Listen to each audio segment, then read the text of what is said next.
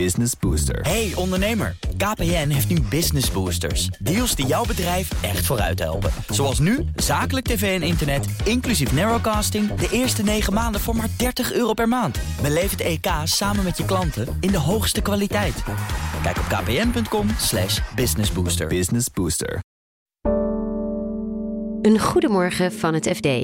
Ik ben Elfanie Toulaar en het is maandag 28 november.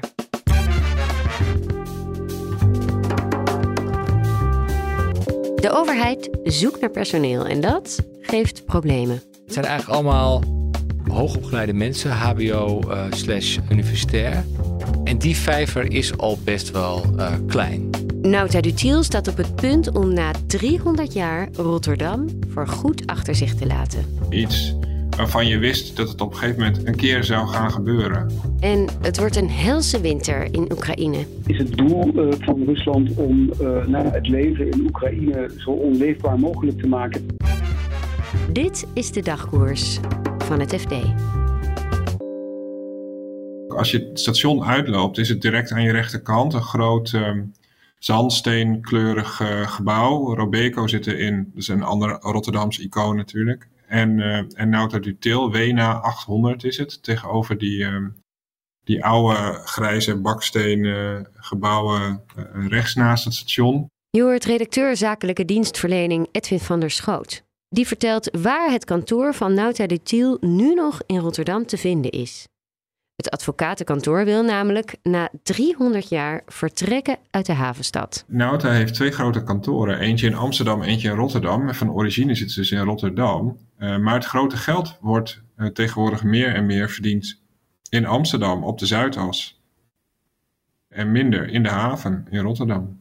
En is iedereen het binnen Nauta eens met uh, die beslissing? Op dit moment zijn daar, um, even uit mijn hoofd, 63 partners die mogen stemmen over dit soort dingen. Uh, en um, in ieder geval heeft een uh, ruime meerderheid daarvan voor dit besluit gestemd. Maar dat wil niet zeggen dat iedereen het ermee eens is. Het is altijd een heel gevoelig onderwerp geweest.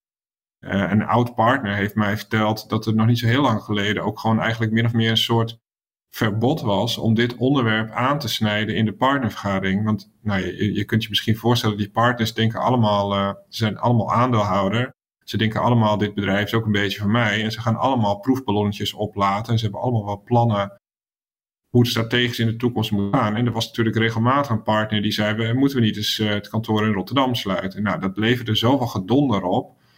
Ja, dat eigenlijk op een gegeven moment ook gewoon gezegd is, we gaan het er niet meer over hebben, voorlopig.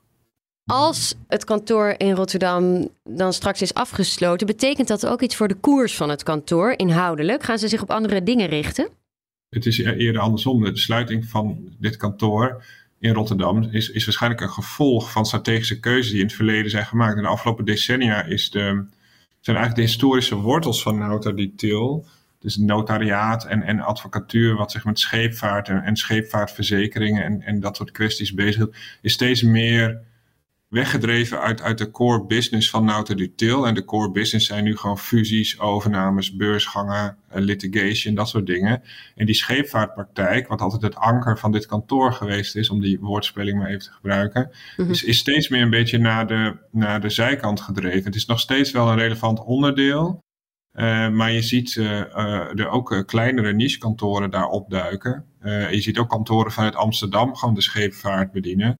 Dus die scheepvaart is minder belangrijk. En tegelijkertijd is, wat heel belangrijk is, die fusie- en overnamesector, ja, die leunt ook heel erg op private equity. En dat zit natuurlijk allemaal aan de Zuidas. Dus in die zin is het wel begrijpelijk. Ja, ja het is. Um, ik heb een aantal experts van buiten de, uh, het kantoor ge gebeld. En die vinden dit ook allemaal niet heel vreemd. Het is gewoon meer iets waarvan je wist dat het op een gegeven moment een keer zou gaan gebeuren. Hoe vervelend sommige wat oudere partners die misschien een mooie villa in Hillegersberg of zoiets hebben, dat ook vinden. Het takenpakket en de ambities van de overheid dijen uit en dus de vraag naar personeel. Dat voelt het bedrijfsleven, want werkgever de overheid is groot. Redacteur macro-economie Marijn Jongsma vertelt hoe groot. Ja, het UWV, de uitkeringsinstantie, heeft het allemaal netjes uitgezocht de afgelopen week. En dan hebben we het echt over de overheid, dus het, de ministeries, de provincies, de gemeenten, defensie, politie, justitie en ook wel zelfstandige bestuursorganen, zoals het UWV zelf. Dus ik heb het uitdrukkelijk niet dan over het onderwijs en ook niet over de zorgsector, want dat zijn ook twee enorme sectoren natuurlijk. Mm dus zeg maar de, de kernoverheid zou kunnen zeggen. Nou, als je daarnaar kijkt, dan kom je op 570.000 werknemers. En dat is behoorlijk meer dan het drie jaar geleden was. Want uh, de groei is 50.000. En dat is toch wel een slordige 9% meer. Er wordt dus geconcurreerd met het bedrijfsleven. Met welke sectoren? Nou, de ICT is eigenlijk een hele belangrijke. Want ook de overheid is aan het automatiseren. En dan zou je zeggen, nou dat is mooi, want als je gaat automatiseren, dan kun je uiteindelijk met minder ambtenaren toe. Je ziet ook wel een daling in bepaalde segmenten van de overheid, uh, meer de boekhoudkundige banen, administratief, et cetera.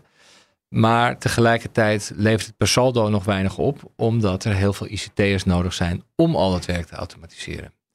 Dus je mag hopen dat dat een tijdelijk fenomeen is, waardoor uiteindelijk wel efficiënter gewerkt kan worden. Maar je ziet dus over de hele breedte van de overheid genomen veel ICT, maar ook wel juridisch. Um, allerlei uh, vergunning uh, aanvragen, goede baan te leiden, ook in verband met de energietransitie. Mm Het zijn eigenlijk allemaal uh, ja, hoogopgeleide mensen, HBO slash universitair. Ja, en die vijver is al best wel klein. Nou ja, en de vergrijzing die zet nog wel een hele tijd door. En die transities die staan op stapel. Dus moet alleen maar meer mensen naartoe de komende tijd. dat is een goed punt, want het is een combinatie eigenlijk bij de overheid van uitbreidingsvraag. Dus meer taken, waardoor ze uh, meer mensen nodig hebben. En tegelijkertijd moeten ze de mensen die er al zitten vervangen als ze met pensioen gaan. En er is geen sector in Nederland zo vergrijsd als de overheid. Wat is de oplossing? Ja, je kunt, je kunt er meerdere oplossingen voor verzinnen. Je kunt zeggen, we moeten realistischer zijn over wat de overheid kan en wat de overheid niet kan. Je ziet nu eigenlijk al een tijdje dat als er iets misgaat in de samenleving, dat iedereen roept de overheid moet ingrijpen. En het uh, tweede buzzword wat dan gebruikt wordt is maatwerk. Alles moet maatwerk zijn. En maatwerk klinkt geweldig, want dat betekent dat iedereen optimaal bediend wordt. Maar de keerzijde is natuurlijk dat je een enorm blik ambtenaren nodig hebt om dat allemaal uit te voeren en te controleren achteraf. Anders krijg je daar weer gedoe mee. Ja. Uh, dus we moeten misschien uh, wat minder hooggespannen verwachtingen hebben. En gewoon zeggen: oké, zo gaan we het doen. En dat is dan misschien niet voor iedereen ideaal. Maar dan kunnen we in ieder geval voorkomen dat die overheid maar doorgroeit en doorgroeit. En iedereen zegt: ja, dat moeten we doen. Totdat er een regeling komt waar ze zelf niet helemaal tevreden mee zijn. En dan zegt iedereen toch: ja, maar dit vraagt toch wel echt om maatwerk. Dus dat is één punt. Het andere punt is toch uh, op een of andere manier uh, slimmer gaan werken. Dus uh, hetzelfde produceren met minder mensen. Of met hetzelfde aantal mensen meer gaan doen. En ja, het track record zeg maar, van de overheid op dit vlak is heel slecht. De, de productiviteit, die stijging in Nederland is al heel laag. Ook bij het bedrijfsleven. Maar bij de overheid in bepaalde segmenten is die zelfs negatief. Dat betekent dus dat ze inefficiënter worden in plaats van efficiënter. Nou, die, die trend zou je wel echt moeten keren. Want de overheid is nou eenmaal ook een grote werkgever. En als die steeds maar meer werknemers opslokt en de arbeidsmarkt uh, is krap, ja, dan leidt dat onherroepelijk tot grote problemen. De winter staat voor de deur in Oekraïne. De eerste sneeuw is al gevallen. En dus dreigt de oorlog nu een ware slijtageslag te worden. Algemeen verslaggever Jean Dome schetst voor de komende maanden een donker beeld. Nou, voor heel veel burgers van Oekraïne is dat zeer zeker slecht nieuws. En dat is het vooral omdat de Russen eigenlijk al ruim een maand bezig zijn met een uh, campagne waarbij ze uh, met raketten en ook met de drones, dat zijn die Iraanse zelfmoorddrones hè, die ze hebben gekocht, bezig zijn de infrastructuur van Oekraïne land te leggen. En dan moet je vooral denken aan energiecentrales, maar het gaat ook soms om waterkrachtcentrales. Het, ja, en verder alles wat van energie, van stroom afhankelijk is. Maar denk dus ook aan de watervoorziening, zaken als rioleringssystemen. Eigenlijk is het doel uh, van Rusland om uh, nou, het leven in Oekraïne zo onleefbaar mogelijk te maken. Maar hoe is dat voor de militairen? Want het oorlog voeren op zich wordt toch ook lastiger door die winter? Eigenlijk zit je op een gegeven moment in de fase hè, van de herfst dat er heel veel uh, modder ontstaat en dan gaat het vriezen en dan wordt die bodem weer hard. Nou, dat heeft als voordeel dat je dan met, een, met materieel, met tanks overheen kan rijden weer, met panzerwagens. En het nadeel is natuurlijk dat het ijzig koud kan worden. En dat betekent dat die troepen, en je moet echt, ja, dat doet ons toch denk ik echt denken aan die films die we kennen over de Eerste Wereldoorlog. Er zitten daar heel veel jonge mannen gewoon echt in loopgraven. Uh, in die ijzige kou straks. Wat we ook weten is dat er in Rusland toch langzaam maar zeker meer onvrede ontstaat over de positie van al die recruten. Op een gegeven moment heeft de uh, Vladimir Poetin, de Russische president, 300.000 uh, voornamelijk toch jongere mannen laten oproepen. Ja.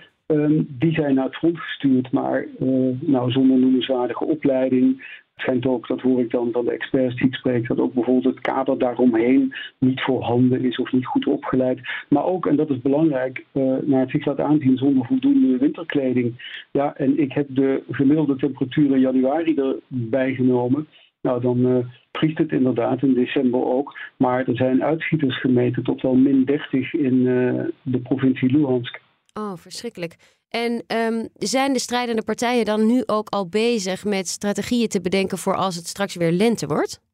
Dat is een hele goede vraag van je. En dat is ook interessant, omdat je ziet eigenlijk twee bewegingen, leid ik af uit alle gesprekken die ik gevoerd heb.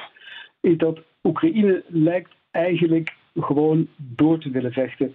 Nou uh, heeft Oekraïne ook natuurlijk in de afgelopen negen maanden flinke klappen opgelopen. Een van de experts die ik sprak zei dat beide partijen ongeveer 100.000 mensen hebben verloren. En verloren betekent dat uh, dan uh, gedood of flink gewond. Um, maar wat Oekraïne lijkt te willen doen is voorkomen dat de Russen de kans krijgen om zich te herstellen. Je ziet dat de Russen, de graven zich in en die zijn heel beperkt uh, bepaalde plekken in de Donbass, in dat oosten van Oekraïne, bezig. Proberen ze steden te veroveren. Dat gaat overigens heel erg moeizaam. Wat Oekraïne natuurlijk niet wil, is dat Rusland na een soort adempauze dan in de lente een groot offensief zou kunnen beginnen, als ze daartoe in staat zijn. Uh, en dat lijkt een van de redenen waarom Oekraïne in ieder geval door zal willen gaan met het ja, bezighouden van de Russen en het verstoren van, uh, van de Russische posities.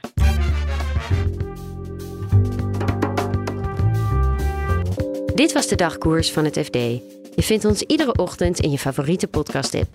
En daar vind je nu ook twee nieuwe afleveringen van onze podcast Achter gesloten deuren. Nog een hele fijne dag en graag tot morgen.